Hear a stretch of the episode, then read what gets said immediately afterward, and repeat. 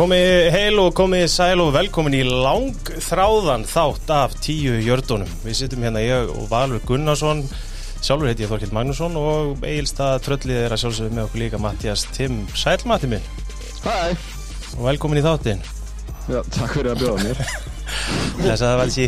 Hæ, hæ. Herriði, við erum hérna í Nova Sirius stúdíu, Nova Sirius stúdíu í podcast stöðvarinnar og erum uh, í bóði bóla, 2,25%. Það er eh, þá sjaldan að við hittumst nú orðið. Þetta er búið að vera báladjóðis vesen og, og bara bestu kveður og bygga. Þau sem er lasin heima. Þannig að berjast við influensuna. Ekki, ekki stóra séð. Nei, en er búið með það. Búið með þann pakka. Við hérna óskofum nú góð spata. Það er búið að vera tölvöld vesen á okkur en það er eitt sem við getum hort á hérna. Já. Það er nóg búið að gerast. Nó og ég er eiginlega bara drullu fegin að vera ekki búin að vera að mæta hérna tvísvar á áður en að helstu pakkar hérna í gæru og í fyrir þetta döttu inn þá væri maður búin að tala af sér. Maður er búin að segja ykkur tjöfusins vitleysu sem væri döð og ógild í dag. Þetta er, er fjörugasta off-season sem ég man eftir. þetta er svaðalegt. Ég er bara alveg 100% sammála. Ég man ekki eftir að hafa við, sko, verið svona limdur við allt og hafa svona þú veist, þetta er svo, svo skrítin múf bara yfir höfuð Er, já, ég er samanlega. skrítnar reyfingar og leikmönnum, leikmenn að fara á sérstakka staði, Óvæntar. stór treyt, eitthvað sem að, þú veist, við fáum oft eitt feitt, sko, treyt, en mikið af alls konar uh, svona treytum um millilið og eitthvað. Hvað segir um, Tim? Þú náttúrulega mannst eftir þessu, hérna, 2004, það var stórt ár í Free Agency. Nei, ég, hva, það er Valur sko, hann Já, er er gamall. En hérna, ég, þú veist, þetta var náttúrulega svona tíu dagar Bara hverju einasta kvöldi kom bara einhver stór frétt. Sama hvernig hún leit út, það var alltaf eitthvað svona frekar stort sko. Og ég man svona, þú veist, þegar þetta var komið svona sjönda daginn Þegar datt inn ég var bara, shit, ég er að vera NFL þunnur sko Þú veist, þá var maður komin á Twitterið og, og þú veist, að fylgjast með og fá dítela og ég náttúrulega, sko, þegar það kemur inn þá er ég bara, get ég ekki hægt að rífresa Twitter, sko Þetta er líka, er e- e- eins og ég segir, þetta er svo stórt allt saman, þú veist. Það er bara, er bara að fara að sofa, þá verður maður bara, þessi sé komið þangað eða ykkur er hættuð að hætta eða whatever. Þetta er bara hjút stæmi allt saman. Ég hef aldrei verið á betri stað í lífu mínu eins og því ég var í bandaríkjunum núna um daginn. Þá var ég bara, þú veist, í hádeginu byrjuðu bara fréttinar að poppa inn hjá mér þegar það var komið kaffetími á ykkur. Já. Þetta var ekkert eðla skemmtilegt, ég var bara brjála að gera hjá mér á, á Instagram. Já. Það sem við hendum öllu inn og bara by the way, það hrúast inn followers á okkur, bara þökkum fyrir það. Já, þetta er frábært líka. Uh, við erum svona, ég er líka að reyna að virkja mannskapin, sittin finna myndir af valsa til dæmis. Það er ekki, ekki vandfundið. Það er ekki vannfundið, það er reyndar einn í hólknum sem var stoppuð. Verður aldrei sett í umferð. Ekki byggjum hana, það er ekki í bóði Ef að- Mæli með að fólk skoði þá að stóri Facebook-leikin á sér einhvern tíma stað þá erum við búin að gera mörgum mím um þessa ágættu mynd. Sem já, í Facebook-leikin, já. já, Hvað, já. svaðalegt. Já. Herru Valur, bara svona rétt ánum við vindum okkur í þessa típa fótbolta. Þá varst þú til umræði á fótbolta.net um helgina Já. og ég hafði ekkit eðlilega gaman að því að heyra það að Valur Gunnarsson sé eini íslenski kallmaðurinn, ekki bara eini íslenski eða ellendi markmaðurinn, jú kannski hefur hann nú lent á bekknum ykkur starf úti. Það en á Íslandi sem hefur haldið Hannesi okkar allra besta, Hannesi Haldósinni á bekknum, það er 2004 Já, hann var í 22 ára og hann tvítur og kallið hann á bekknum fyrir kallinn. Býtu, hann var að hætta núna? Hann var að hætta núna Þess vegna veit ég ekki hvort ég eitthvað er að monta með þessu. Nei, nei, Hannes var náttúrulega bara hjá leikni voru saman og hann var að Já, hann var á bekknum fyrir mig sko og ég spilaði mitt besta tíðanbíl og meðan hann satt því að hann var á bekknum fyrir mig. Þú veist, það var drullu gaman og náttúrulega hann er svo útrúlega skemmtilegur maður og strákur og var það náttúrulega þá. Útrúlega gaman og bara ég er útrúlega stoltur af Hannes og hef alltaf verið. Varst þú líka skemmtilegur þá eða? Mm, já, já, ég held ég hafi nú ég held ég hafi nú alltaf verið alveg frekar skemmtilegu þannig en, en ég gæti líka verið algjör fáið og ég var geðveikur, þú veist, fyrirleiki og svona sko. Þannig að ég get alveg verið geðveikur líka sko Mér langar ógæslega að vita, þú veist, voru þið góði félagar ég veit við erum að fara kannski aðeins og djúpt í þetta en að að, þú veist það er ofta ekki þegar maður er að berjast um stöður í íþróttum sko, það Jú, jú, jú, við vorum, jú, jú, það var ekkert þannig sko. Við erum alltaf, Hannes er tveimur ára en ég sko Var náttúrulega í fellaskóla og ég var í fellaskóla Og hann ólst bara upp í Vesturberginu hann og Þannig að við höfum alltaf þekst alveg síðan bara við vorum bara pjakkar sko. En hann alltaf tveimur ára yngri og jú, jú, við, við okkur hefur alltaf komið vel til að vinna mér og Hannesi sko. Já, þannig að þið eru ekki mm. Myndir þú segja þetta væri svona íslensk útgáfana Brett Favre, Aaron Rodgers? Ég var að hugsa sko Daniel Ricardo og Landon Norris. Já, nei, alls ekki. Þetta var bara þannig að, að Hannes eins og kom fram við viðtala hann hættur í fótbolta. Að því að hann sá að ég var markmaður nummer eitt og var ekki grínað eða með markmaður nummer eitt og ég átti þetta tímpilum 2004 og það var ekki grínað veist, komast, þetta er erfi stað að komast inn í eða ert með annar fyrir fram að þig. Þannig að hann fór í afturlendingu og það er í stjórnuna það er fram og, nei, jú, stjórnuna fram og svo káir og, og rest is history. Loka spurningu Já, Erstu búin að fyrirgefa honum að hafa skemmt fyrir ykkur að fara ekki upp í fyrstildina? já, já, við fórum upp árið eftir. Það sem betur Á herðunum á þér? Á her, nei, ég var nefnilega ekki jafngóðu það tími, þá var hann farin frá mér en, en við fórum upp árið eftir sem betur herðu, þetta var skemmtlegur út út úr, við höfum gaman að því. Við, eh, sko, þessi, þessi svolítið óráði hvernig þessi fréttur, er- þessi þáttur verður. Við ætlum í fréttir til að byrja með. Og nú við fyrir svona á kafi free agency vegna þess að það er af nógu að taka. Og uh, við ákvaðum að byrja bara á toppnum á tindinum Já, Er það ekki? Jú, sem að er stóra ég og Hannes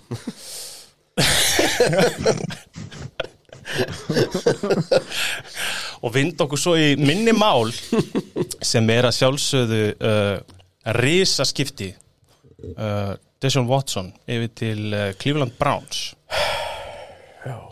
Uh, hann fer fyrir þrjú first round pick uh, eitt third round pick og eitt fourth round pick fær 200, rúmlega 250 miljón dollara guaranteed samning sem er samt ekki fully guaranteed, hann er guaranteed.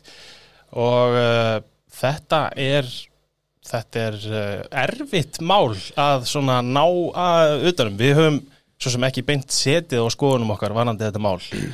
Og uh, þeir sem hafa hlusta hinga til þess að þetta vita það að við hérna höfum mjög sterkar skoðunir á því hvað eigi að verða um Deshaun Watson. Og Biggie sagði nú strax hérna um daginn að nú er hans, orð búið, nei, hans lið búið að vera orðað við Watson bara allt tímabilið. Já, uh, í fyrra, já. í fyrra og það var, heyrðist ekki múk úr, úr hérna liðinu hjá hjá, hjá hérna Túa Tangavæja Lóa þetta er ótrúlegt og maður heyrir bara á aðdáðandum Klífland sérstaklega, við vorum að tala um Mark Sessler inn áðan. Uh, hvar vil ég byrja? Eh, Náttúrulega þetta mál er kannski ekki alveg veist, búið þannig að því að NFL gæti alltaf alltaf hérna dæmt hann í bann. Og það er ykkur civil cases að gegnunum 22 22 og svo að ef ykkur veit ekki þá voru 22 konur sem að ásökuðu hann eða sökuðu hann um kynferðislega áreitni. Nuttarar. Allt nuttarar. Og, og ég, ég skal, veist, ég er alveg talsmaður þess að réttlæti við búum í rétta ríki og það þarf að, þú veist, auðvitað bara verður maður þannig sem treysta lögunum. En í þessu málum er hann hlókslega erfitt og þetta er svo erfið mál ofta þannig. En þegar 22 konur koma með sömu sögu af einhverju manni að þá leifið mér að efast um að það sé eitthvað ósagt í þeim efnum. Og, og, og, og, þess vegna sko og NFL sem að gefa þessu út fyrir að vera með moral compass út af við já, já, er að dæma við menn vitum svo sem betur. Já, er að dæma menn í bann og annað. Og ekki nómið það að hann fari til Browns heldur er bara að vera að treytunum og borgunum eins og ekkert hafi gerst. Við erum bara að tala um að þetta er bara nákvæmlega eins og ef að, ef að, að bara Russell Wilson fór til Broncos. Já, þetta er sko eiginlega, þú veist, mér finnst þetta eiginlega verra en það, því að ef við tökum bara tímalínuna þá er hann að velja á milli, þú veist, hann hittir Panthers, Saints, Falcons og Seahawks. Og hann, og, veist, svo, og Texans Neita Colts sem að ringdi í hann, en svo einhvern veginn bara Seahawks þetta strax út eftir fundin, Panthers eiginlega líka, bara nokkru setna, þannig að allar fréttir segja þetta sé á milli Saints og Falcons, svo allt í innu bætast Browns inn í þetta, Baker frétti það. Hann gefur út eitthvað fárálega skríti bréf bara sko sex tímu setna eitthvað þegar fréttina koma. Ok, svo kemur fréttum að Browns hafi verið neitað. Og þá er þetta eiginlega allt, allt að vera að horfa á, á Falcons sem er náttúrulega eitthvað hans heimabæður og hann var bol- boltastrákur hjá liðinu þegar hann var krakki og þekkir eigandan og eitthvað bla bla. Og þeir fá sko hann Quavo og Lil Baby úr rap heiminum til að rekrúta og einhverja fleiri svona stór Atlanta nöfn og frétt, fréttin að segja sér satt að hann hafi í rauninni verið búinn að velja Falcons þegar Browns ringja í hann og gefa honum þennan samning. Eða þau veist bjóðunum sem sagt að ef hann kemur þá kem, fær hann það samning. Og það kemur eiginlega á punktin að svals, það er svo ekkert hafi gæst þetta er henni verra því að þeir gefa honum eina miljón í base salary fyrir 2022 tímubil, þess að næsta tímubil út af því að þeir vita að það eru líkur á því að hann verði dæmdur í bann, segjum bara allt tímabilið. Og það, þú veist, þegar þú settur í bann þá er tekið sér satt refsingar peningurinn út úr base salary leikmannsins, ekki signing bónusnum eða einhverjum öðrum bónusum eða signing bónus eða eitthvað sko, það er bara úr þessu base þannig að þeir setja samningin upp þannig að þeir eru veist, þannig að hann tapi sem minnst á því að vera refsað fyrir þessar ásakanir sem að gera þetta eiginlega eh, bara sjúklega shady. Vá, maður, ég, ég, ég vissi það Shit, pælið í Ístroka Hvað, þú veist Er þetta bara eðlilegt, þú veist, ég meina að því að hann er góður í íþróttinni Er það bara þetta réttald allt? Nei, mér finnst það einmitt að því ég sagði á hann Við höfum rætt hans mál svo oft hérna að ég nenni ekki að fara að kafa í mína tilfinninga gagvart í hvað Desjón Watson er og hvað hann gerði. Við erum búin að ræða það margóft og þú veist við höfum gert það bara fyllilega skýrta við, okkur finnst hann bara að vera skítæll og umiki og eigi bara raun og vera að sitja hjá. En uh, það er rosalega langt ferli eftir í þessu og talandi um það sem Matti var að segja sko þögnin í, bæði frá NFL-deildinni þegar allir vissi þetta verið gengi í gegn og frá Cleveland Browns um að hann væri búin að hafa þessi vistaskipti. Hún var ærandi þáka til í dag. Þá kemur fyrsta tilkynningin frá Browns með þremur mismunandi statements. Annars vegar frá liðinu, frá GM-inum og síðan þjálfaranum. Og þú veist, einhverja langar svona hálf afsakandi stórirtar þú veist We know there are some things that have to be Já, einmitt, þú veist, maður bara það hefði ekki skipt neinum sko, maður hefði alveg sittið hérna og maður hefði rappað yfir, yfir Falkórs og Sint en það er þessi rísa samningur, það er þessi framlegging á samning sem er eiginlega alveg ógeðsleg, hún er bara viðbjöður sko, og það er einmitt það sem, þetta er svona þú veist, þetta er svo mikil hvað maður að segja þetta er svo taktlust. Eh, já, þetta er svo að þú, þú ert að búa þér til vandræði með að taka hann og svo þú, ge- þú blæstu svo út með þessum samning. Ég veit það, og, og þú veist Hvað er NFL að fara að gera? Þeir, þú veist, geta þeir, þeir geta ekki gert ekki neitt. Það er Nei, bara ekki- ég held að hann verði alltaf settur í eitthvað bann sko, það er bara út af því að NFL, þú veist, þeir geta alveg sett í bann þó að löggan og allt það, þótt að, þú veist, þetta civil case verði allt droppað, þá, ertu, þá er einhver klásúla í öllum NFL samningum gagvart, þú veist, leikmann og deild að þeir geti sett hann fyrir personal misconduct sem þetta er bara eða handtekinn, þá getur þetta verið það sem það settur í bann sko, fyrir að vera að koma þér í vandræði mm -hmm. skilur þannig að þeir, ég held að NFL muni alltaf setja hann í einhvers konar bann og en mig gruna samt að Browns hafa alveg verið í sambandi við skrifstof NFL, þetta, þetta er svo fucking huge, þú veist, þetta hefur náttúrulega þú veist, bara, þetta er náttúrulega sko, afþreyingar vara ef við horfum á þetta þannig og fyrirtæki er að bjóða okkur afþreyingu þannig að þeir þurfa að sjá fyrir sig hvernig þetta, þeir alltaf tækla þetta bæði deildin og liðið þú veist, eins og við sjáum bara með fanbasein þú veist, ég held að ekkert fanbase hafi eitthvað verið sérstaklega spennt fyrir þessu og margir bara brjálaðir. Við sáum að hérna sorry, að hérna ég veit ekki alveg hvað íslensk orðið er Rape Crisis Center í Cleveland fekk yfir þúsund framlög frá stuðnismönnum Browns þegar þessar fréttir gengur í gegn þannig að veist, það er alveg hellingur af, veist, og það var bara held í fyrsta sólarhingin eftir að fréttina komu sko, og þetta er bara fyrir að Nei, þetta er líka að þú veist, maður veit svo sem að, og maður hefur nú bara séð það nýlega hérna heima að, að, hérna, að Twitter er- og, og samfélagsmiðlar eru ákveðin bergmálshellir, en það var minnir að mér þess að bara síður, annarkvort á hvort það voru stuðningssíður liðana, sérstaklega með minnir að ekki Panthers sem sett út bara spurninguna úst, viljið þið fá hennar leikmann til liðs við liðið Ok, og þetta, menna, þetta var langt yfir 70% af mönnum sem sögðu bara alls ekki, já, ok, takk. áhört. og það er einmitt, þú veist, maður veldi fyrir sér með þessi lið. Og, og kannski bara alltaf aðeins að taka uppeyðið hérna. Uh, sérstaklega þegar þetta var down to sko Falcons og Saints. Mhm. uh, það er 20 í þessu, annars vegar er þessi lið bara ekki frábærlega byggð skilur, þetta er, ég meina uh, ef, ef hann hefði farið til Falcons það hefði verið alveg hræðileg ákvörðun hjá honum. En það sem ég veist líka áhugaverst er hvernig endar þetta í svona stórum veist, ég veit að Deshaun Watson er sko ef þú kippur öllu þessu civil suit dót út þá myndi mega sjans að hann færi fyrir þannig að þetta er, er stærri pakki heldur en Wilson Já, fer fyrir. Og við erum að tala um gæja sem gæti einmitt verið að fara, færi ekki að spila þetta tímabil, það er möguleiki á því. Hvenar gerist það að, að hvernig er í hvað samningsstöður Texans, ég, ég næ því ekki. Nei hvernig fá þeir allt þetta dót Já, það er náttúrulega bara frambúð eftirspurn og þarna var eftirspurnin mikil. í þessu samt. ég veit það Ég veit það Ég, ég skil alveg hvað það meinar og hérna og þetta er að mínum að þetta er bara sorgamál og manni finnst svona einhvern veginn réttast að, að liðmyndu láta hann vera en þá kemur náttúrulega, svo kemur náttúrulega eitt, ég menn eiga menn bara ekki sens og neinuður gera mistök en þetta er 22 mál Þetta er náttúrulega ekki strákar. ranskotast mistök Ég veit bara- það, ég veit bara, uh, bara raðkleipa maður Já, já, já, já. Eina sem er svo sem ákveðið í hans málum er að hann mun ekki sitja inni. Það er að eina Já, sem er, er, er já. meitlað í stein hérna.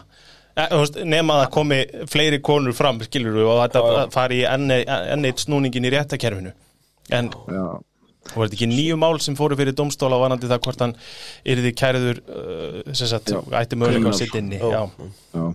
Svo er líka sko það sem að mér fannst svona einstaklega nest í þessu öllu er að þú veist, þetta var brandað eins og liðin vildu tala við hann, þú veist, fá hann face to face. En í raun og veru var þetta bara hann að taka lið í viðtal sko, því að hann er með, með þetta no trade clause. Og við sjáum það bara hvernig þetta enda, þú veist, bæði hvað Browns er að borga Texans og hvað Browns er að borga honum. Og þetta, þeir voru, þú veist, þeir voru aldrei að gera þetta til að ræða við hann og sjá, þú veist, Nei, nei, nei, nei, nei. þú veist, sjá hans innri mann eða eitthvað, þetta var bara allan daginn hann að reyna að finna sér lið og þetta var bara, þú veist það hljómar eitthvað svo, þú veist í grunninn er þetta bara Browns að hugsa um að vinna leiki, þú veist. Já, í þú með þess að sko, já, já, þú veist, það er það sem að þeir eru, en þeim, veist, það sýnir bara hvað þeir eru, þú veist hérna, siðlausir eiginlega í því. Þeir bara, þessi maður er að fara að vinna miklu fyrir leiki fyrir okkur heldur en Baker, okkur alveg sama hvað hann gerði á meðan að vinna leiki. Og það, þetta er bara það sem að þeir ákvaða bara að væri hvað sem er að virði, skiptu sko. en, en núna höfum við nú lifað fleiri en tvænættur í þessum bransa, strókar. Gæti það verið þannig, sjáu það fyrir ykkur að þegar eru tveir mánuði linar á næsta tímabili, þeir eru búin að vinna sex og tapa tveimur, að menn séu búin að gleyma þessu. Ah, Er er það ef hann spila núna mennur? Já, ég meina það. Þú veist, Sjáu það fyrir ykkur að því að bara, veist, við höfum séð svona dæmið sem er alltaf brjálað, svo eftir nokkra góða leiki þá bara einhvern veginn svona, já, ok, hann er bara góður hérna. Ég, ég held að hvað já, hvað er Matti? ég, bara, ég held að umræðan þú veist, bara eins og með allar svona umræður þetta mun einhvern veginn svona dempast niður það verður svona ein og ein rödd segja eitthvað og svo fer fólk bara að pæla í íþróttinni, þú veist. Ekki hversu ekki þetta er allt saman. Mm já, en ég meina, þú veist, eins og Michael Vick náttúrulega, en hann náttúrulega fekk refsingu og með hérna hundadæmið og svona sko og svo náttúrulega getur alveg tekið, meina eins og veist, Karim Hunt, veist, hann landið þarna konu, þannig séð, þú veist, ef við tökum það, Tyreek Hill með þarna símadæmið, þú veist, með, það er enginn að tala um þetta í dag. Nei, Nei, Og sko, þetta er van- alveg að fá- alveg að fá borga sko. Já, já, ég Van- meina, við gætum mér þess að fara í Róðhúsberger. Vandamáli, já, vand, sko, þau samt mál voru uh, útkljáð. Nei, reyndar ekki, en þú veist, hönd og þau mál, sko, hann, uh, Chiefs hendu honum nú, eða ekki. Cleveland pikkaði hann upp, þannig að þeir eru nú svo sem sögu varðandi það, en hérna, þetta mál er ekkit, þú veist, Nei, það, það, ég- þetta ferlina þau í gangi, en ég, einmitt, það sem ég hugsaði var eftir tvö ár, Ég held, að, tímabil. að Brown sé að treysta á þetta. Ég held að Brown sé að bara hugsa heyrðu, Við höfum séð svona mál áður. Já. Þetta mun deyja, við vitum það Og bara, ég- við erum bara þannig mannverðan Þetta ég, deyr út. ég geti trúað í að sko eh, allra hörðustu stuðnismenn Browns muni gleyma þessu. En ég held til dæmis að þú veist með að við að hérna, hvað er ekki, þrýr leikir linir eða eitthvað frá því að vinnur okkar hjá Vestham sparkaði köttin, þá var verið að Já, öllum já, sko. ég, ég geti alveg trúað í að þú veist stuðnismenn annara liða gætu bara baulað á hann eins og ég veit ekki hvað sko. Já, já, ég, ég veit, ég veit það. Verður fróðlegt að sjá hvern þegar hann fer að stíga inn á völlin bara sem leikmaður, hvað gerist sko bara á stúkunum. Já, En, en, þú veist, ef við tökum NFL-liðin og dýrasöðu að þá er þetta helviti þá eru þeir bara orðnir ansi flott lið Browns. Við vorum að ræða fyrir síðast tíðum við vorum með besta rústur í hugsanlega, og þeir fá hann og svo Amari Cooper. Ameri Cooper kom inn. Amari Cooper komin og ef að Watson er að spila á Amari Cooper. Og þú, mér finnst bara núna að skrýta að tala um þetta eins og það sé bara NFL treyt Þetta er það náttúrulega, þú veist, eins og staðan í dag þá er þetta, já, en ég menna Húber er farinn, Landry er farinn. Já, þeir þurfa náttúrulega, og nú mér finnst svo hrikalegt að þurfa að taka þessa beigju út úr í að vera að ræða þetta svona, en ég menna þeir, þeir þurfa fleiri leikmenn. Það sem að mér finnst svolítið skrítið er að, er að Texans hafi ekki hýrt eitthvað af þessum leikmennum, sko. Ég, ég bara er hættur að segja skríti og Texas í sömu Já, ég, Já, ég, sko, ég held að þeir vilji bara taka allt frá grunni, nei, bara neita að taka einhverja peninga á sig því að þetta Browns roster er nú yfirleitt, þú veist, flesti góðu þarna eru að fá samning eða er einhverju svona veist, reynslu boltar á ágæti samning, þeir að bara vilja frekar fleiri picks og byrja bara, þú veist, á algjörlega frá nulli, sko. Allavega núna geta þeir líka búið til eitthvað plan, við tölum um það síðast að þetta, að þeir voru eiginlega bara að býða eftir að sjá hvernig þetta Watson mál klárast og þá geta þeir teiknað upp eitthvað blueprint fyrir plan og ég held að þeir sjálfur hafi örgulega ekki búist við að fá svona mikið sko, einhvern veginn grunum með það.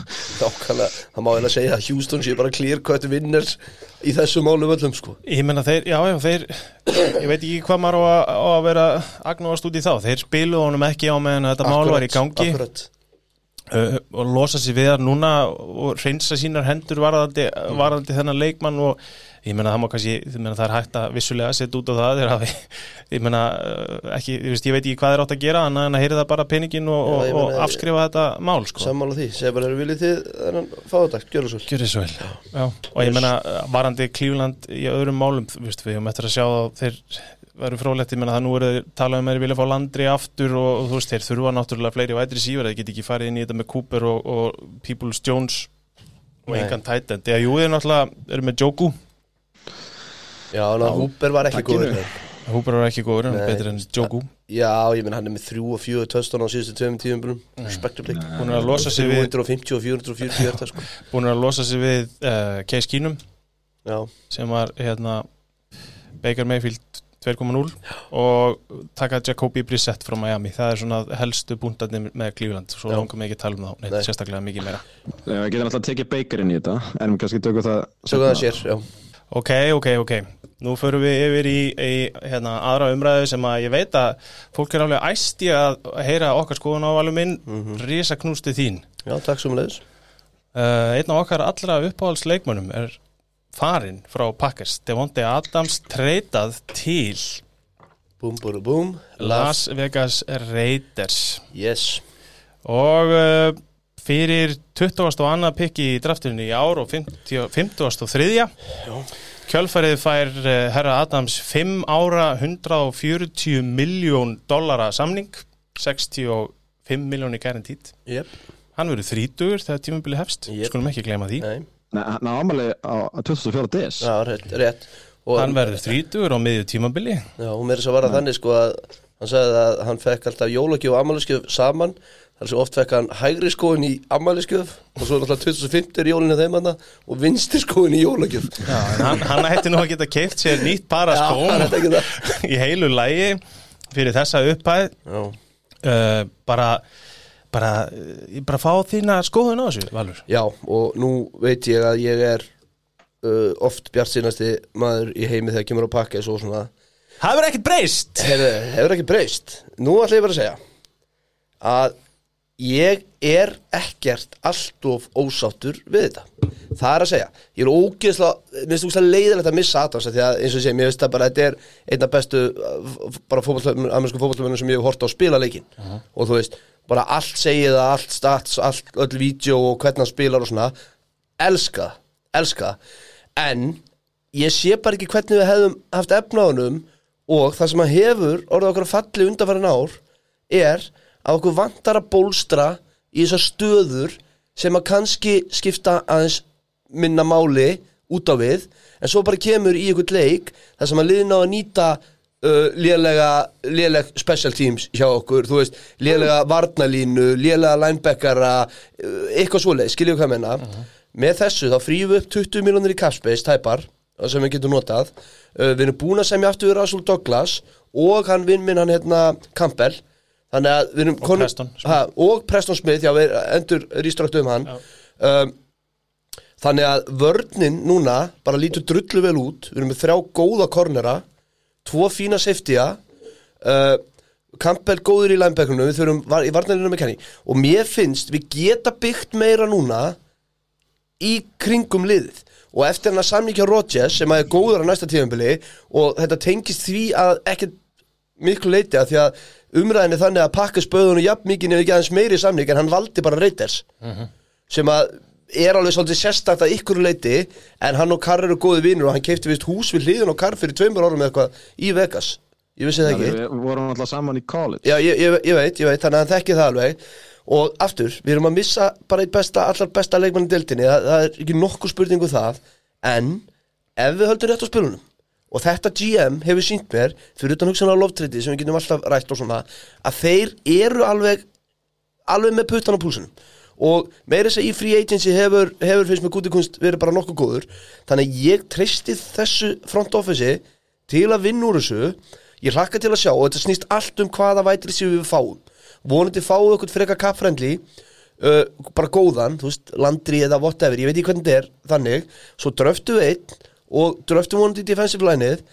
Þá bara uh, og þetta er ógeðslega skrítið að segja þetta en eftir þetta til reitt þá var ég eiginlega aðeins spenntari fyrir næsta tímbil en fyrir það og ég meina, og býtu sorry, svo ég klári af því að við höfum séð þetta núna ár eftir ár eftir ár að við erum í geggja regular season tímabil en svo uh, lið, en svo um leið og kemur í stóra, stóra, stóra leikin að þá vantar aðeins fleiri púsl til að klára þetta. Og við getum alveg einhvern veginn farið upp í því.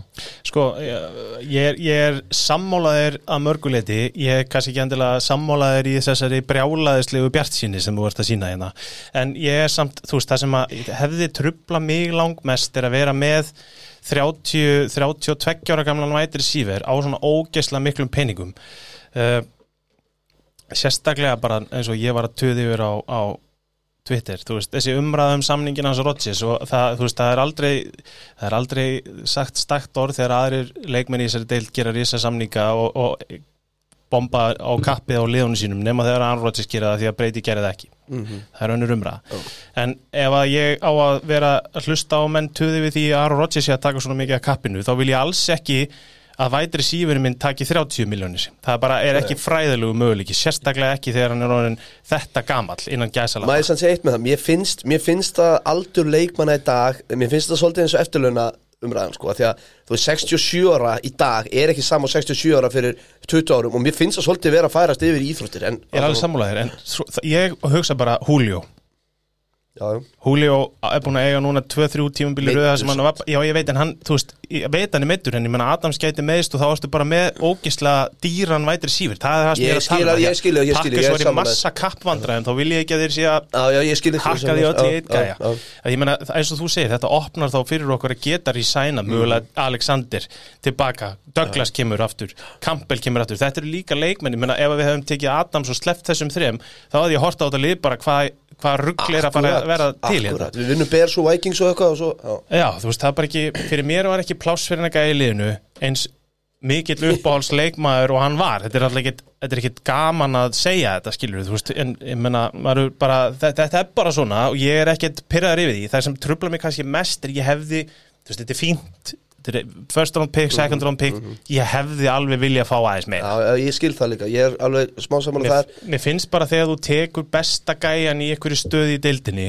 þá eigi hann að fara á tvö first round pick. Já, en hann átti náttúrulega bara eitt að, sko, þetta Ég veit- var, veist, ég veit við það hefum ekki að fengi ekki neitt, sko. Ég veit alveg og hann vildi fara og allt þetta en ég Já. segi bara svona, þú veist, maður vill fá þegar að stór nöfn fara þá fara þið fyrir tvö.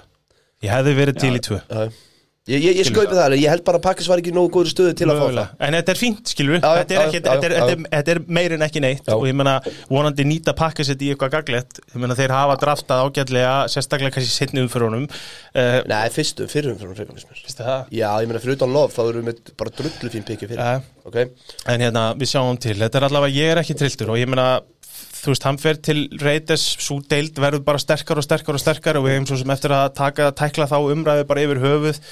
Uh, Já, eins og þú sagðir, hann er að fara til félaga síns, ég meina, sagan segir að hann hafi bara sagt bara, ég er ekki að fara að vera hérna áfram. Nei. og þá er þetta náttúrulega þessi umræða bara í heildsinni döð og grafin, þá hefur það bara ekkert með okkar tilfinningar gagvart þess að gera, ef hann vildi bara fara, þá vildi hann bara fara. Já, það er bara þannig. Og þá, hérna, þá hefur mín skoðum bara ekkert með þetta að segja sko. Nei. hvað segir Timbo? Hinn hlutlösi sko, mér fannst þetta bara vel sloppi hjá reytir sko. Þú veist, við sjáum Jamal Adams fór á tvö, tvö hérna, first og third. Já, það er náttúrulega bara Það heimska hjá Seahawks sko. það var, þú veist, já, ein, þú veist, hún náttúrulega, einhver setur markaðin og þá náttúrulega, þú veist, við sjáum eins og þessi samningu sem hann fær er settur út frá DeAndre Hopkins samningnum sem er eiginlega bara algjörst bullshit, þú veist. Þannig að það einhver setur markaðin og þá finnst mér, ef við horfum bara á Adams þá, en hérna Jamal Adams þá finnst mér eins og Packers hefði alveg geta sko líka aðeins dreina þetta, þú veist, ég veit ekki alveg Nei, Af gáttu það vist ekki. Það, jú, hverju ekki? Að því, menna þú veist Reytis var eina liðið sem hann myndi fara í líklega og Reytis bara fór í störukeppn og þeir vissu að þeir höfðu bara lang flest trompa hendi. Það var Já. bara þannig, pakka sig yfir ekki neitt á hendi þeir náttúrulega bara geta sagt nei. Já, en þá veist, geta þeir fengið ekki neitt fyrir þú veist, þá blöffað, sagt bara nei og svo svona myndast aðeins meiri pressa á reytes og þeir vita, þú veist, og þeir vilja hann, þá borga þeir miklu meira fyrir hann. Eða það er svona það sem er grunar út af því að þetta gerðist bara eitthvað svo hratt við, viðist vera tímalínan var frekar hröð þú veist, það var einhver pyrringur og Aron Rodgers skrifar hann undir samningin vitandi að það er pyrringur en held að þetta myndi rettast samkvæmt uh, fréttunum en svo rettast þetta ekki Hann var samt meðvitaðan um stöðun og hann sagði hann var að vonast til að þetta myndi rettast en hann held ekki endilega að þetta myndi rettast ah, okay, okay, Það, okay. það var þannig vist En það er önnur störukætni en það sem að þið eru ekki að tala um og það er það að hann var náttúrulega þú veist, fransæstakaður og sagði sjálfur bara ég er ekkert að fara að spila þessu fjandans fransæstaki þannig að þú veist, það var, það var engin í góðri stöðu þannig að einhvern veginn nema reytis virðist vera. Já, ég trúi ekki að hann hafi myndi velja sko 29-30 ára tímabili sitt í pásu, þú veist, hann var aldrei að fara, ég held að ef að Pakkis hefði kannski mögulega þvinga hann til að skrifa undir þetta, þá hefði hann örgulega gert það því að ég trúi ekki á þessum aldri þegar hann getur cashað inn að hann sé bara að fara að taka sér launalust frí ár á þessum aldri. Ég mér, bara, ég, mér skilst að teimið hans hafi verið pyrrað að pakkas voru ekki farnir meira all in í að sækja, uh, sæmja við henni í fyrra. Það var eitthvað þannig. Og þetta var bara og pakkas náttúrulega vissi að þið voru í fokk í kaplega séð. Og, og svo kemur þessi eins og segir Hopkins samningur og, og, hérna, og hann segir bara ég vil vera borgaður eins og besti vætri sigur í deildinni. Þannig að, þannig að þú veist, að mínum að þið að mínum að þið ég er sammálaður að þetta hefði maður vilja meira en úr því sem komið var þá græti ég þetta ekki Nei, ég líka bara að hugsa, þú veist eru rosalega mörg lið að vinna Super Bowl með eh, næst dýrasta leikmanni sín í vætri sífæra ég, ég, Ég meina, hann er officially orðin eða ekki dýrasti leikmaður í deildinni sem er ekki quarterback. Já, já, en ég meina, þú veist, eins og ég, ég sá ykkur umræður með þetta tvið, ef maður gæti farið kannski til Jerry Rice eða eitthvað svoleiðis, ég Já. veit ekki hvernig það er en, en þá ertu með Joe Montana og Steve Young að henda á hann, sko, ekki með Derek Carr að henda á hann þó að Carr sé ekki lélur, sko. Það er þá kannski Hill eða? Nei, það er þá, þú veist, væri þá Rodgers sem væri Montana í þessu dæmi, býst ég við.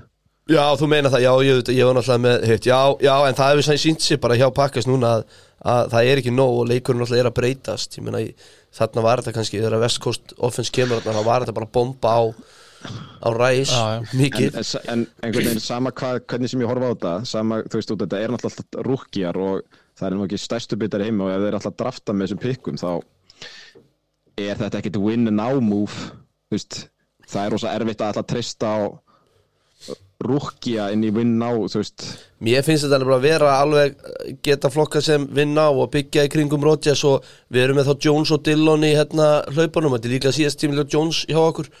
Og hérna og, og ef að sóknarlinni kemur tilbaka þú veist, mér finnst að fara rosalega undir radarinn að það vantaði þrjá af fimm. Við erum að tala um svo 60% af sóknarlinni fyrra. Og það voru líka bestu gæðanir þú veist, Bakhtiari, Jenkins og svo Mayer sem var búin að spila vel rúki í nokkur sendunum þannig að ef að þeir koma tilbaka við erum búin að þjætta vörnina uh, og ef við, ef við náum einum helv, helviti sinna defensive lineman með Kenny Clark.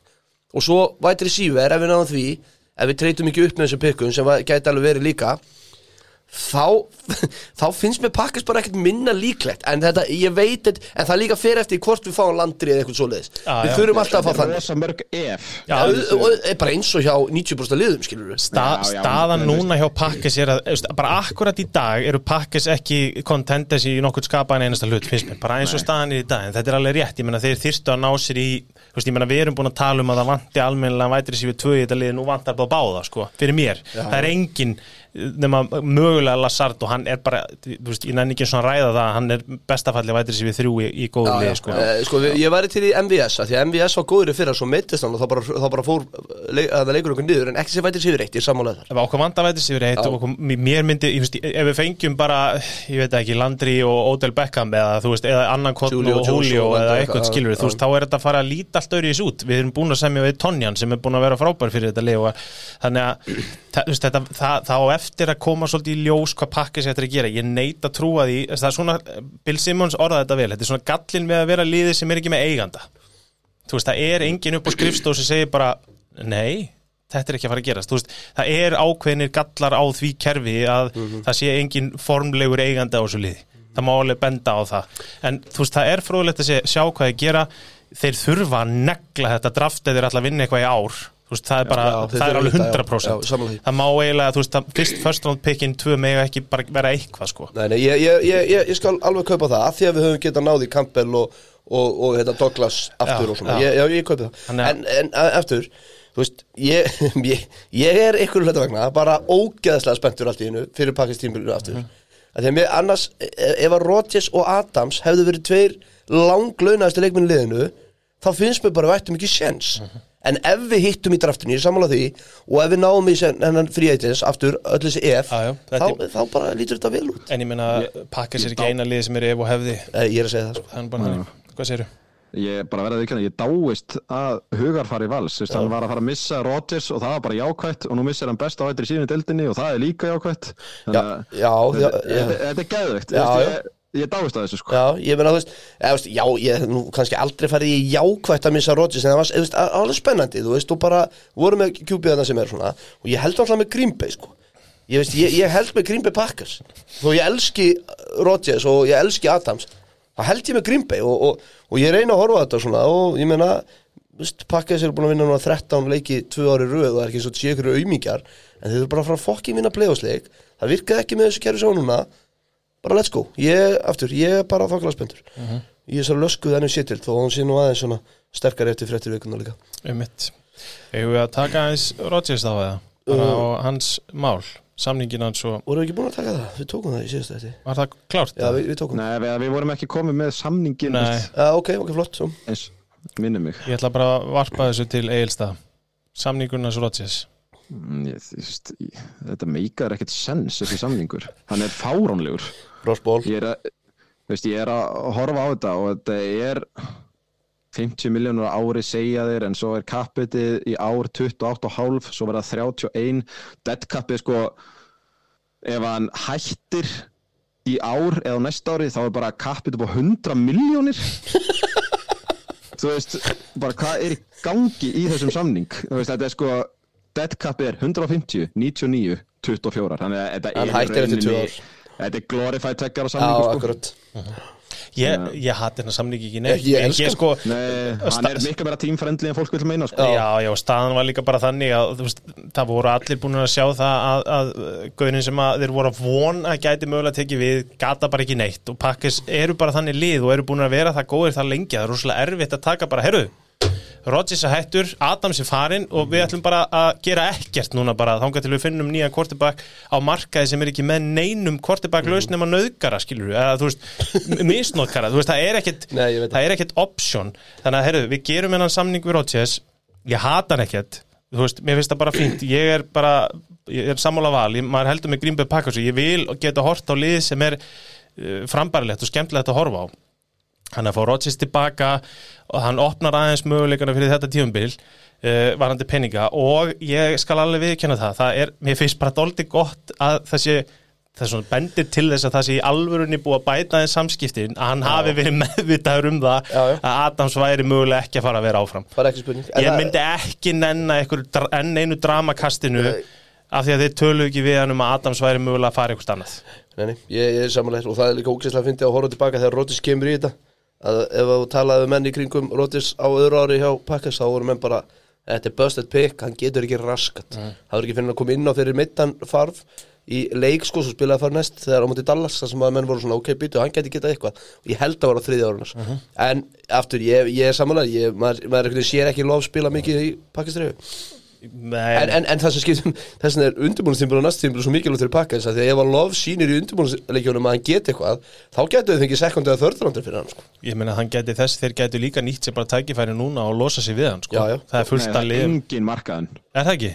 það, insiderarnir segja það, það sé bara engin markaðir því að lið virðast vita að Packers viti Já, að já, geti ekkert. Ég, það er nefnilega kemur mér ekkert óvart ég hef nefnilega búin að heyra að svona, lesa hitt að það- hérna, menn ættu bara að nýta sér tækifæri og losa sig við hann á marka sem er non-existent skilur en ég er alveg sammála því þú veist það væri glabræði fyrir lið að fara að kippa honum núna. Já. ekki nefnir fengjan fyrir bara ekkert bara Já, þú veist já. seventh rounder eða eitthvað tökum sjensin en með að við umræðina þá ættu pakka þess að nýta sér þetta fyrir firster eða second eða eitthvað þú veist það er bara meikar ekkert sens Nei, ég las einhvers vegar að þú veist, markan að vera hugsalega sekund það er fyrir nokkru vikum en að mér er svona skrítið að pakka sér ekki svona að tala hann upp þú veist, maður er aldrei hitt að tala hann upp sko. hann er ekki í umræðinni Nei, hann er ekki umræður í Pakislandi Nei, það, er öllum, það virðist öllum bara að vera er einhver féluleikur sko. er Nei, þeir eru alltaf ekkert þú Þeir, þeir spyrja hann ekkert þeir Nei, spyrja nei, ekkert nei, nei, nei, nei, nei. Því, er þetta að Jordan Love sé bara trash eða hvað er það að Já, fæta hérna og, og þeir, það er ekkert í gangi sko, það er bara, Það er bara eins og hver- hver er kúkablega sko. Hver er önnur kúkablega? Já, Ég er búin að býða eftir að einhver hérna hendi í þetta hver er önnur kúkablega? Það er bara kastir eins og hverja hann er í kúkablegu Mattias. Býtu já, Nei, það Hvað var er ekki að þessi Skoti var það þessi Hanna já. Takkin sem ég má ekki nota. Herru, áfram höldum við Tom Brady. Hann er enn og aftur komin í umræ umræðuna. Uh, Tom Brady hætti við að hætta. Við að hætta, við að hætta, við að hætta. Tom Brady er komin aftur. Uh, Þetta mánar, rúmlega mánar langa frí sem hann hefði átt að taka áður, sem hefði verið skinsalega að taka áður en hann hérna á hvað að segja öllum hann var hættur að spila fótbolta Sko, Eh, það er liðið og hann er komin aftur í Tampa Bay allavega eins og er. Um, þetta er bara einlega frétt sögunar nei, ég meina það sem stuða mér í þessu er að þú ert, þú veist, the greatest of all time. Þetta er bara eins og þegar Jordan hætti skilur Hann hætti allavega í ár, eitt og hálft ár. Hversu, hvað, hvað breytist mikið á fimm vikum? Hvað, ef, þú ert greinilega ekki vissar en svo að hætta og þú ert Tom Brady minni á mér leið bara eins og ég segi, mann leið bara eins og að ma- maður var að missa eitthvað svona, þú veist, úr lífi sínu. Það er eins og að gaurarnir sem að ældu þessu út úr sér og snemma Já, hafið þrýst svo ógeðslega mikið á hann og hann hafið fundist hann bara þurfa að gera þetta. Af því að mér finnst alveg ágættis umræða sem ég heyrði í eitthvað staðar. Akkur tók maðurinn sér ekki einmitt bara, bara tveggja mánu frí, hvað lá honum á? það er punkturinn minn. Að því að þetta er hjúts frétt Já, og að marka núna, hvað held ég að Tampaði fari bara með þrjú förstrándi og svo fari að leita sér? Nei, Nei, þeir hefðu hingrað eftir þessu? Ég skil þetta náttúrulega ekki, af því að hann var ekki ákvæmlega svo að hætta af hvað, fjóru vikum, fimm vikum setna þá var hann hættu við að hætta. Og ég endur þetta er Tom Brady. Já, við erum að tala um sko að retirementið hans retirementið hans breyti tók stýttir tíma en þjálfara leiti Jaguars. Já. Þú veist, þetta, er, þetta er alveg þannig og hann segir hann að hann postar hann á Instagram bara stúkan er ekki fyrir mig, ég á heima á vellinum herru vinnur, þú mistir ekki æfingu sko. Það var ekki ein, liði tók ekki eina æfingu án þín líka það eru allir einhver staðar á Miami Beach eða eitthvað að chilla sko. Sko, en ég ætla samt að segja að ég er alveg frekar ánægð með þetta sem því að sko þetta er alltaf betra með honum Já, sko. og hérna, veist, ég, að því að ég held ég að við í að þeim daginn, veist, ok, breyti er hættur, menn fór að hugsa svona, verður ykkur spenna deildinni, þá kemur hann að Russell Wilson og svo eru við bara með þetta rugglað off-season, herru, svo bara til að bæta hona það, þá breyti ekki hættur. Þetta verður ekki smá tímabil á næsta ári nei, og sem aðdándi þá er ég mjög ánægð með það. Það er alveg valið punktur að breyti hafi líka bara þegar hann fór að horfa í kringu sig hérna í NFC-inu Já, að hann hugsa bara, herru, þetta er bara brjálæðislega vinnabúl deild fyrir mig. Já, ég meina, Wilson er bara farinn uh, Kyle Murray er bara, uh, þú veist það er bara, ég veit, það veit enginn hvað er að gerast þar. Það er allt einhvern veginn upp í loft. AFC megina sem er bara verið að búa til einhvern ofriðil inn í þeirri deild uh, eða hvernig sem þið viljið íslenska það dót þetta er alveg, ég meina það er alveg valið punktur og ég meina í kjölfærið þá náttúrulega bara mæta Ryan Jensen er mættur aftur. Chris Godwin er mættur aftur. Carlton Davis og Russell Gates eru komnir. Já, ég veit það. Þetta er, Þetta þú er- veist þú veist, þeir bara, hann bara fekk liðið tilbaka, þú veist, það var hann Alex Kappa sem Já, að já. var að vera svo eini sem kom ekki tilbaka og svo var hjá Al, Ali Marbet Mar, Marbet sem að hætti og ætlar ekki að hætta við að hætta. Já, hann er farin í meistaranám. Já, hann er bara chilla sko, þú veist, hann nennir þessu ekkert. Svo var líka eða fyndið hérna þegar það kom í ljós þá fór náttúrulega Twitter í gríngýrin sko, þú veist bara, shit maður, gæinn hitti Giselle Bundchen í fyrsta sinn og bara nei. Já, þú veist, hann er bara ekki verið heima hjá sér í 20 og eitthvað ár sko. Já, Mér finnst samt alveg geggju hérna, umræða varandi þetta að menn geti verið meira með fjölskyldunum. Þú veist, þetta er ekki NBA sko. Nei. Þú ert ekki í 10-13 daga on the road bara svo heima í viku Þú ert basically heima hjá þér alla daga nema þegar þú ert á æfingu með að flýgur í útileik En sko. ég ætla samt að gefa það að þegar þú ert þetta inn í NFL að þá fer allur Já, ég frítími í undirbúinasta leik og svona, ég skil það alveg, en ég, en ég skil Já, það er ekki eins og við séum bara uh, hverfi að við bara jarðar í sjö mánuð á ári sko. Nei, en Tom Brady, ég minni svo hann var hjá Pats, veist, hann mætti klukkan 7 á mótnana bara var með Belichick að fara yfir gameplan fyrir næsta leik, sko En hérna, en Ég þetta er elska samt þessu umræðum að gæinn hafi farið heim til sín í fjóra vikur og bara djöfull eru börni mín leðileg maður Ha? Þetta er ítla upp ali liðmaður, herruðu En, en I'm sko, back. það er náttúrulega ekkit eðla áverst okkar ef hann er ennþá jafn góður bara áfram, þú veist, og ég meina það er ekkit sem bentur til þess að hann verðið ekki Já, nei. Nei, það er nefnilega áhuga að vera við þetta, þú veist, hann er ekki Breeze, Nei. sem tóku dífuna, Manning. hann hætti bara sem næst besti quarterback 2021 sko Mhm. Þú veist, það er það sem að var svo magnað í þessu 44 ára, eins heimskulegt og það hlumar En þá er bara að kegja spurning fram með til leikara, hann eftir að sjá eftir þessu? Hefði hann átt að hætta núna? ég meina það fyrir náttúrulega bara eftir þannig tímul Svaraðu mér. Nei, eins og þú segir, NFC er bara þannig að hann hérna að hann hefur bara horta á þetta og sagt bara meina, ok, förum bara í fokkin conference final alltaf aftur. En hugsi þið ekkert af því ég- Þetta kom upp í hugun á mér. Já, Þegar þú ert byrjaður að hugsa um að hætta og þú hættir bókstaflega Mhm. Er þá ekki hugurinn komin svolítið þangað? Ég- Jú, en Er ekki svolítið erfitt að draga sér síðan aftur á greinir lappir, ekki skilur? meira en svo að hann hætti aldrei. Ég er að tala um, já, ég er að tala um bara svona, þú veist, verður ekkit erfitt í haust, skilur við, þú veist að til, þú varst alveg til í bara, Nei, ég held að bara að geti verið akkur dögut? Hann er hugsað bara, Nei. herru, ég veit hvernig þetta er er hættur, ég nenni því ekki.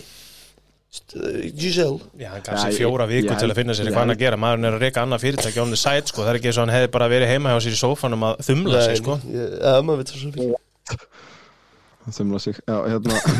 Sorry, ég ætlaði ekki að láta þið hlæja. Æ, herru, við fengum spurningu hérna, uh, varandi hvað geitin er að brugga í Tampa. Og erum við ekki bara búin að hérna, Já. leysa þetta? Fengum fullt af spurningum, ég reyndi að svara einhverjum hellinga á Instagram. Eitthvað vanandi hvað Chicago Bears er að gera það veit það náttúrulega ekki nokkuð skapaða maður ekki þeir sjálfur einu sinni uh, Tampa eru bara að brugga sér annað, þú veist, Super Bowl lið að reyna það, að minnsta Já, kosti. já, ég meina og þegar þú ert með breytið þá er auðvitað að rekrúta og þið fengur þetta Gates frá hérna Falcons í vætri já. það er bara fínasti leikmaður. Já, já, bara fínasti leikmaður sem getur gett hellingar hlutum með, með breyti og, og eru konir aftur með allavega hluta af sóknaninni þó þau mistu þarna kappa hvað er hana Mhm. og þannig að þeir, jú, þeir vera bara til alls líklegir á næsta tímabili. Eina sem var og í þessum riðli. Já, já, að lokum í þessu, þessar umræða finnst mér hérna þú veist, mér fannst vera að koma svona ég var kallaði bróðalamir og samband Arians og veist, það var eitthvað skríti í gangi þar. Já, ég, ég held samt að Arians sé þannig að hann, hann er bara svona, hann segir bara hlutina. Eins og þeir eru. Já, og ég held að breyti, ég það kemur ekkert óða, hann virði það bara. Já, ég veit, og svo já, næsta aðeins eftir hann segir bara, er veist, þetta var bara lélegt hjá þér. Og svo eru þau bara bestu vinnir, skilur ég, ég held að Arians sé ekki nógu mikill fáið Ef að Pete Carroll myndi gera þetta Þá held ég að, ef við erum að tala um Pete Carroll Já. Þá getur verið vesen. Já. Ég held bara að Arians sé þessi típa. Já, valid, en bara því þetta var í umræðunni. Já, já, ég skilji, finnst mér þetta áhvert, ég er mikill Arians maður ég held að þetta sé geggjaðu gæði, ég held að sé sammála því. æðislu þjálfari að Sammála því. Ég held að leysi úr þessu máli. Fréttir, fréttir, fréttir.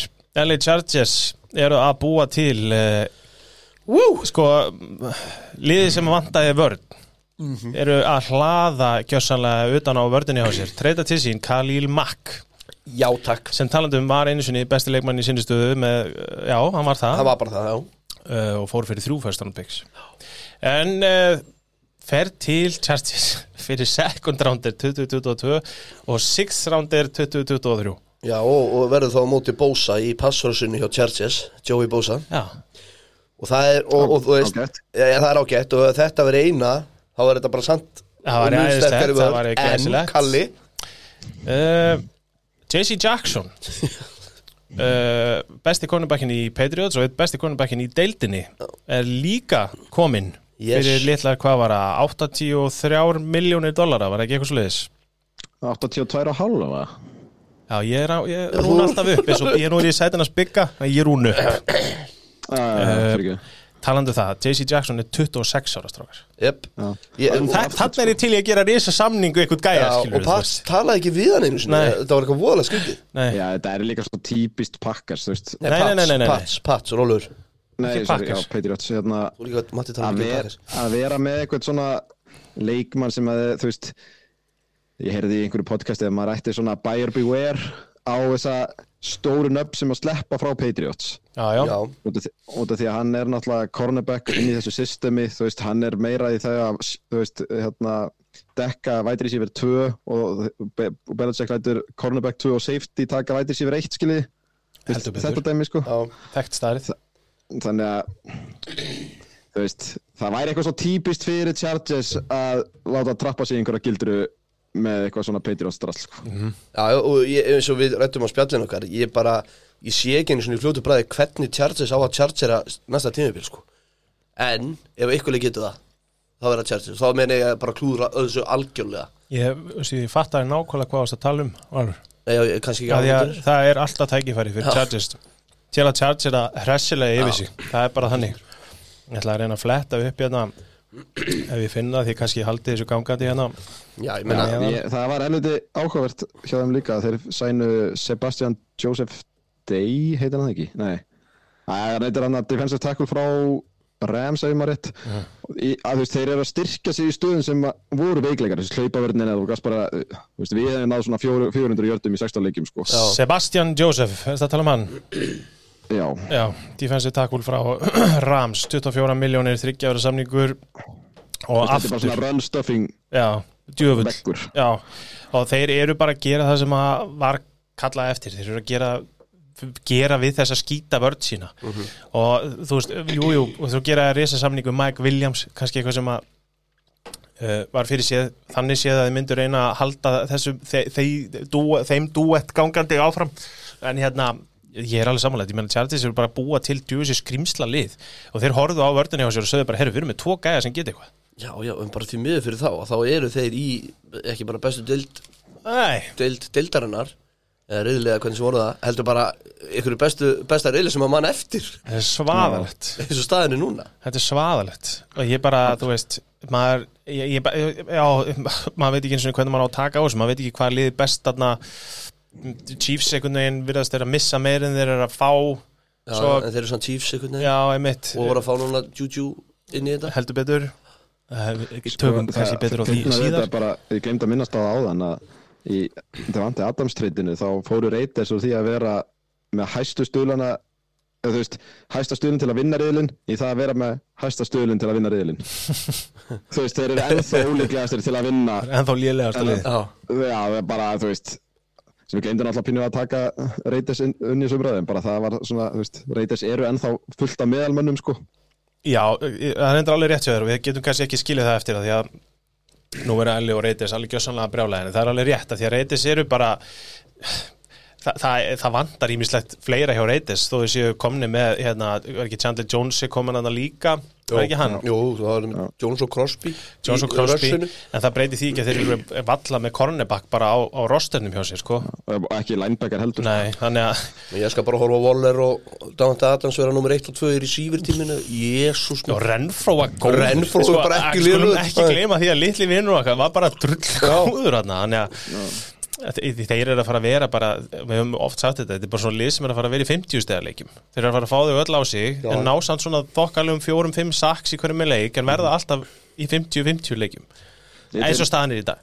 Það verður bara AFC West leikur á hverjum einasta sunnudags uh, Já. Sunday night, Monday night og og innbyrðisleikinni sérstaklega skipta um þjálfara og GM og þá fara hlutinir að gerast. Þá eru þeir ekki í, þú veist, þá horfum maður ekki vonandi horfi ég ekki á drafti í ára og er bara hver er þetta? Og af Já. hverju er það að taka hann nummer 6 þú veist, hvað er það að gera hérna?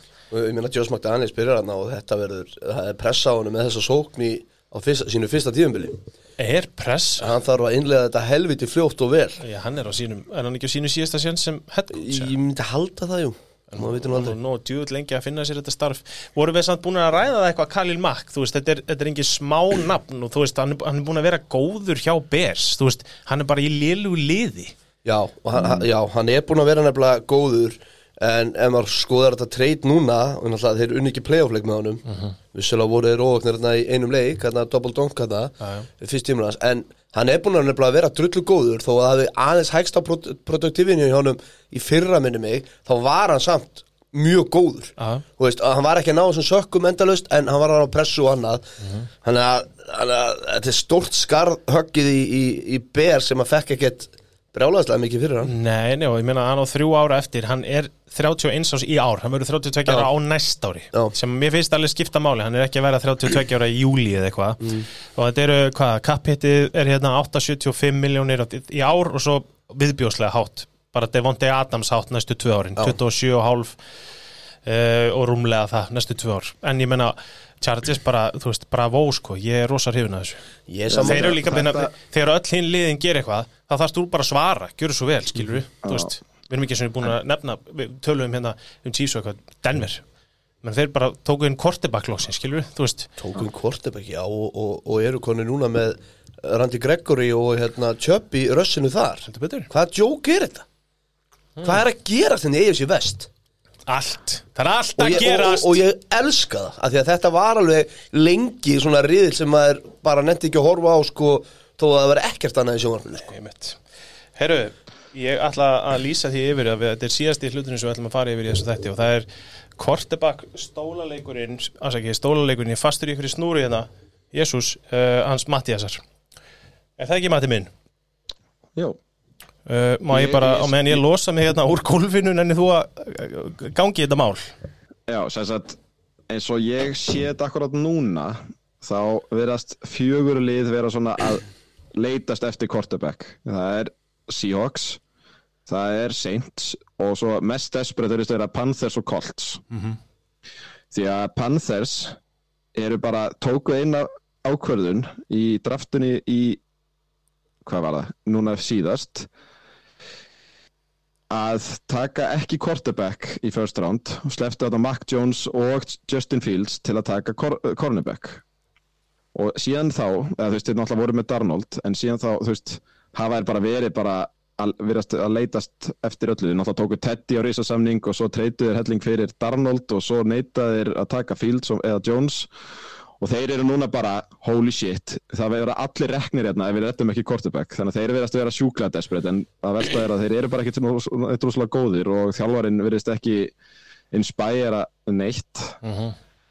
Uh, ég setti Falkans á listan en ég held að þessi ekki með ég held að þetta hafi bara verið þú veist Watson. Ef, uh, þú veist, þeir eru ekkert að þeir eru svo, í svo miklu vandræði með Ryan þú veist, þeir náttúrulega pushuðu einhvern signing bónus fram á þriðjudag til að þú veist, Ryan samþykti það til að býða eftir Watson ákvörðinu þannig ég setti þá ekki beint í hérna leik. En þetta er sagt fjögulið og kortabækina sem ég setti var á lausi það er náttúrulega Baker Mayfield með trade requesti og hann verður ekki dýr sko.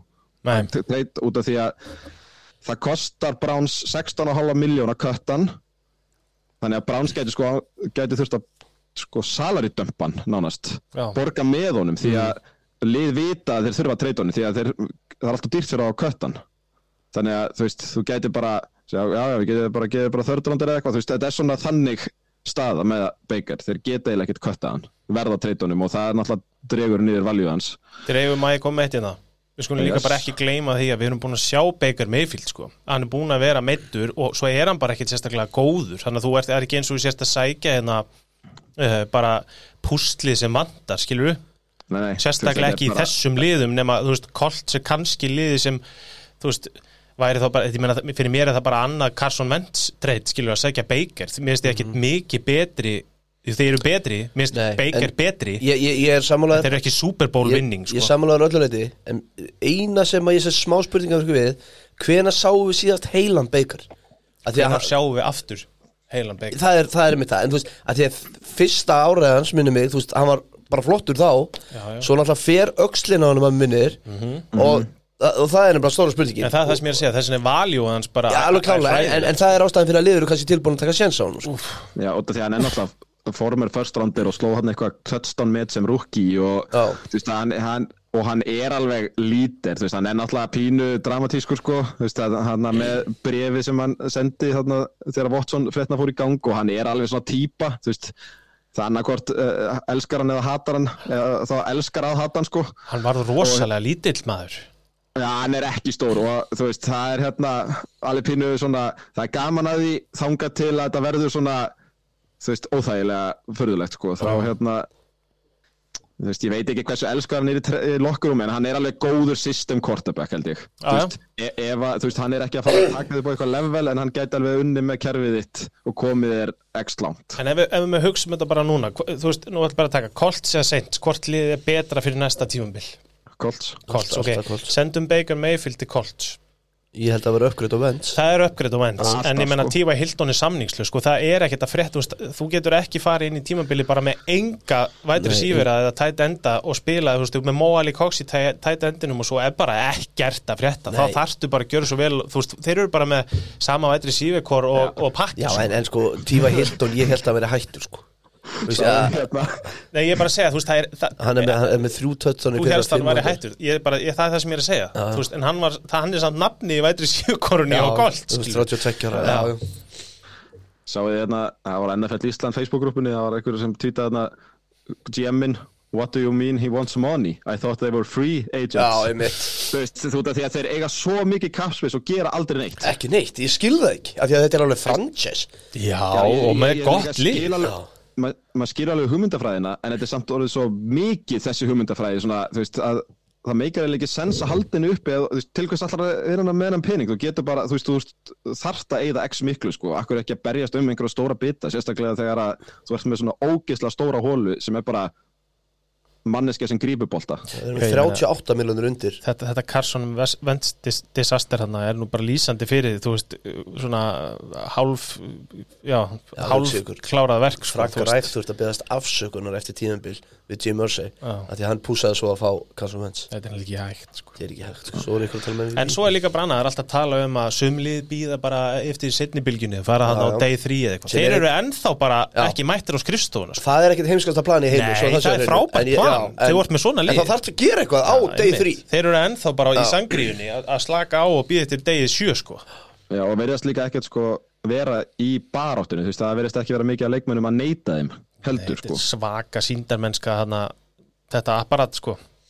Þú veist, þetta þarf allavega lukka og nú er það sérstaklega þess að tala um, ef að einhver gerir eitthvað, þá eru þú að svara þetta EFC er að verða svolítið, þú veist, þeir eru kannski sjönda besta lið í dag, jafnvel minna, eða sko larra ég mitt og, er, og eru samt, þú veist eins og við tölum um síðast að þetta að eigandinn þeirra er bara að snúast í ringi í stofunni heima á sér, sko, þú veist, hann veit ekkert hvað er í gangi, hann er bara að, að missa það, sko, en í stóðaleikin, það er Jimmy Garoppolo að augljósum ástæðum, þú veist, hann er er náttúrulega bara að taka við á honum og hann er með 26 og halva miljón held ég í kappit Hvað? Ég veit ekki hvað Kalle er að gera þetta. Já, ok, þetta árum ég rækst í Viltu takka tíma til að finna þetta? ha, Viltu tíma til að finna þetta? Það er þessi. Já, já, ok, halda fram, Matti. Já, og sko ég veit ekki alveg hvað planið er með hann.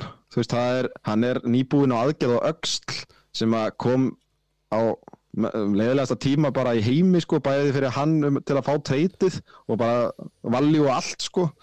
Þannig að þetta frekar heimskulega tímasetning en hann verður reddi fyrir training camp. Uh, Fortinanir segja að þeir séu búin að setja ákveði plan á staða sem að hann er á launaskrá fyrir næsta tímabil en mig grunnar þetta þeir séu bara að býða eftir eða þetta er náttúrulega það þurftu svo mörg, mörg dómin og að falla sko, eins og núna er Baker öruglega hærra rangt en hann á markaðum þannig að núna þarf að býða náttúrulega May- Baker fyrir eitthvað svo Jimmy geti farið eitthvað þú veist, það var svona, þetta er allt einhver svona að býða eftir eitthvað gerist og þú veist, ég veit ekki alveg hvað planið er, ég held að hann væri lungu farin en það er að kött hann fyrir eða ekki neitt þannig að liði vita það líka. Þannig að ég er ekkert rosalega bjart síð hvað þetta verður kannski third sem getur orðið second ef X gerist dæmi sko. þetta er búið að breyta svolítið einhvern veginn þessi bjassinu Já. með að geta losað hann og fengið eitthvað fyrir hann en hver er næstur á listanum? Ég setti, þetta er svona þrýr sem eru svona svipaðir finnst mér, það er Gardner Minshew, Marcus Yes. Mariota og James Winston svona sem að, þú veist, Mar Mariota og Winston eru þú veist lausir en Minsjú er náttúrulega alveg nafn sem maður er ekki að fara að gera, þú veist, bara, hann er bara backup og mér, þú veist, það var einhverja fréttur um að Colts hefðu mögulega áhuga á honum en ég veit ekki akkur að Colts ætti við að vilja hann. Nei, þú veist, mér langar rosalega mikið að segja að ég myndi taka Gardner frekar en Jimmy og Bacon en það væri bara svo ógislega heimst að ég myndi bara þurfa að segja upp í þættinum sko. Já, ég, en, en þú veist, mér hefur samt alltaf fundist að það væri gaman að sjá Minsjú spil í góðu liði. Ég sammála en ég myndi bara ekki vilja vera það lið sem að væri að taka sjensin á því að spila vandamálið, sko. Mér, finnst ótrúlega samt hvað hann er í raun og veru lítið í umræðina því að það sem hann hefur sett á teipið er ekkert slæmt hann sérstaklega interception prone, hann tók ekkit heimskulegar á, Nei. ákvarðanir og kastaði fullt af touchdownum í alveg glötu Jaguarsliði, en þú veist ég er samt, eins og ég segi, ég menna, þú veist ef hann færi í lið sem sæmilegt síðu hvort á tight end, þá geta hann unnið alveg leiki, Já. en ég menna hann er ekki, þú veist, allir þessi þrýr hérna á botninum, Minshew, Mariota og Winston ég myndi ekki vilja vera liðið sem er á leiðin inn í tímabil með þessa þrjá og sérstaklega ekki með Winston á crossbandaslitum, sko. Nei, nei, nei, ég er samlega því. En hérna, Þú veist, það er öruglega einhverju að núti sem halda ennþá James Winston sé góður leikmaður en þú veist, Herðu, mér finnst bara umræðan vera þannig. Bara eins og hann hafi bara verið fyrir eitthvað góður og Ég ætti bara skil geta þetta þú veist, ég, ég horfði svona og ég horfði á Saints í fyrra ég bara, þú veist, hann var allt í lægi Já. ný já, en eh, voruð menn þá ekki að hugsa um ok, hann fekk hann að gæja í hérna Sean Payton sem hann bara var að reyna að hemja hann aðeins. Já og mennum fannst kannski, ok, það sína það er alveg hægt að gera eitthvað með hann og hann gæti ekki orðið góður bara aftur. Ég, eða aftur, ég, orðið ég, góður. ég er með drullaði yfir þetta af því að það var umræðan töl, þið töluðu mikið um þetta. Peyton gæti mögulega, þú veist, svona tekið aðeins til í ákvörðanutökunni sem hann gerði. Var, þú veist, bara fínt og öruglega með, ef, þú veist, ég var nú í einu betti sem að fjallum sjálft segja því að hann meittist en þeir hefðu sennilega farið í playoffs með Winston, skilur við Já, klálega. En Já. hann getur ekki labbað inn bara í hvað, núna eftir þetta, í hvaða lið sem er Nei. og gert sömu hlutina af því að þú veist, það er stutt í 30-30 sko. En ég er að, já, ég, ég veit það, en ef við skoðum hans bara reytingið hans, eins og hann er búin að vera með að hann er búin að vera kringum 80 eða 90 og 80 passereyting þangar til hann fyrir James, Sean Payton þá er hann með 102, Einmitt. 14 touchdown 3 interception, skilur þú veist það, maður sér alveg, það er alveg hugsanlega eitthvað þarna og í það á þessu markaði þá eru lið öruglega bara að segja bara, heyrðu, ok, við erum með þennan þjálfara ég veit ekki hver það ætti að vera, Frank Reich eða eitthvað og bara, heyrðu, gömblum á Winston ég, ég held að Matt Ryan sé lausari en við höldum Matt- ég held að Matt- Fa Já, Matt Falcons, Ryan, já, já. ég held að Falcons myndi alveg leifunum að fara fyrir ekkert rosalega mikið Ég ætlaði með að spyrja því, Já, hvernig ferða er í hann með þetta, með þetta hérna, Watson dæmi?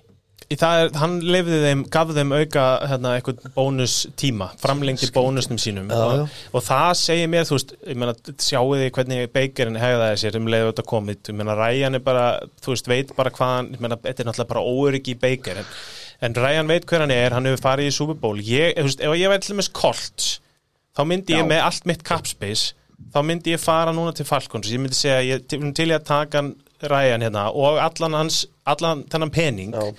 Og ég myndi borga ykkur forþrándir, skilur þú veist, þið eru ekki að fara að fá neitt meira, þetta er gamall gaur hann kostar viðbjóslega mikið og þið nenni, þú veist, það vita allir núna í deildinni að þið vildu losna þú veist, skipta honum út, skilur Já, sagan, sko, það er einhver svona smá orðrómur um það að hann vilji núna nýjan samning út af þessu Watson-máli. Einmitt.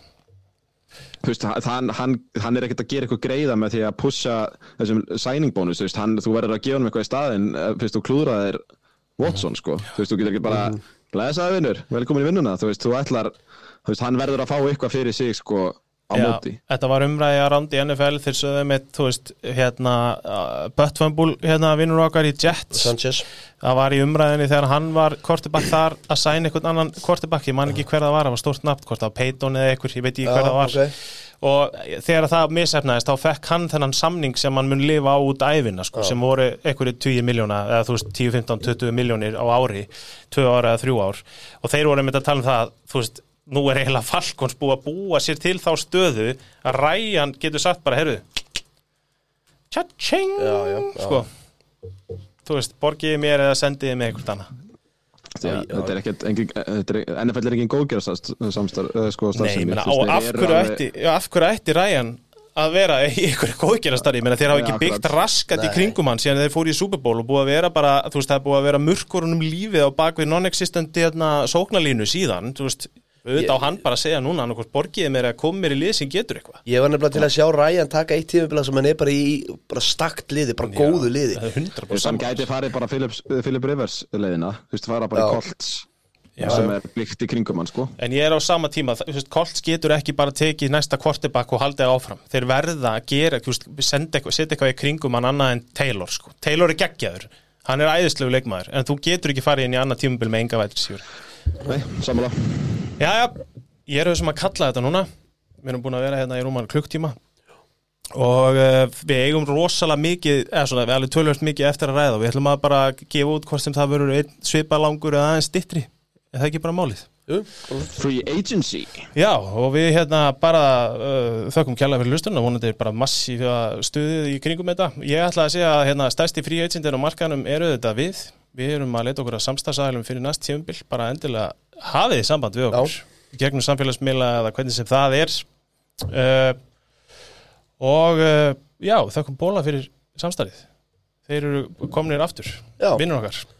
2,25% Verða með er komin eftir, já Já, heldur betur. Óli, Létt. Jór. léttbjór Herri, takk fyrir að koma í þáttanars bygga. Já, takk fyrir að bjóka byggi Uh, bestu kveður, takk takk Bless bless Love you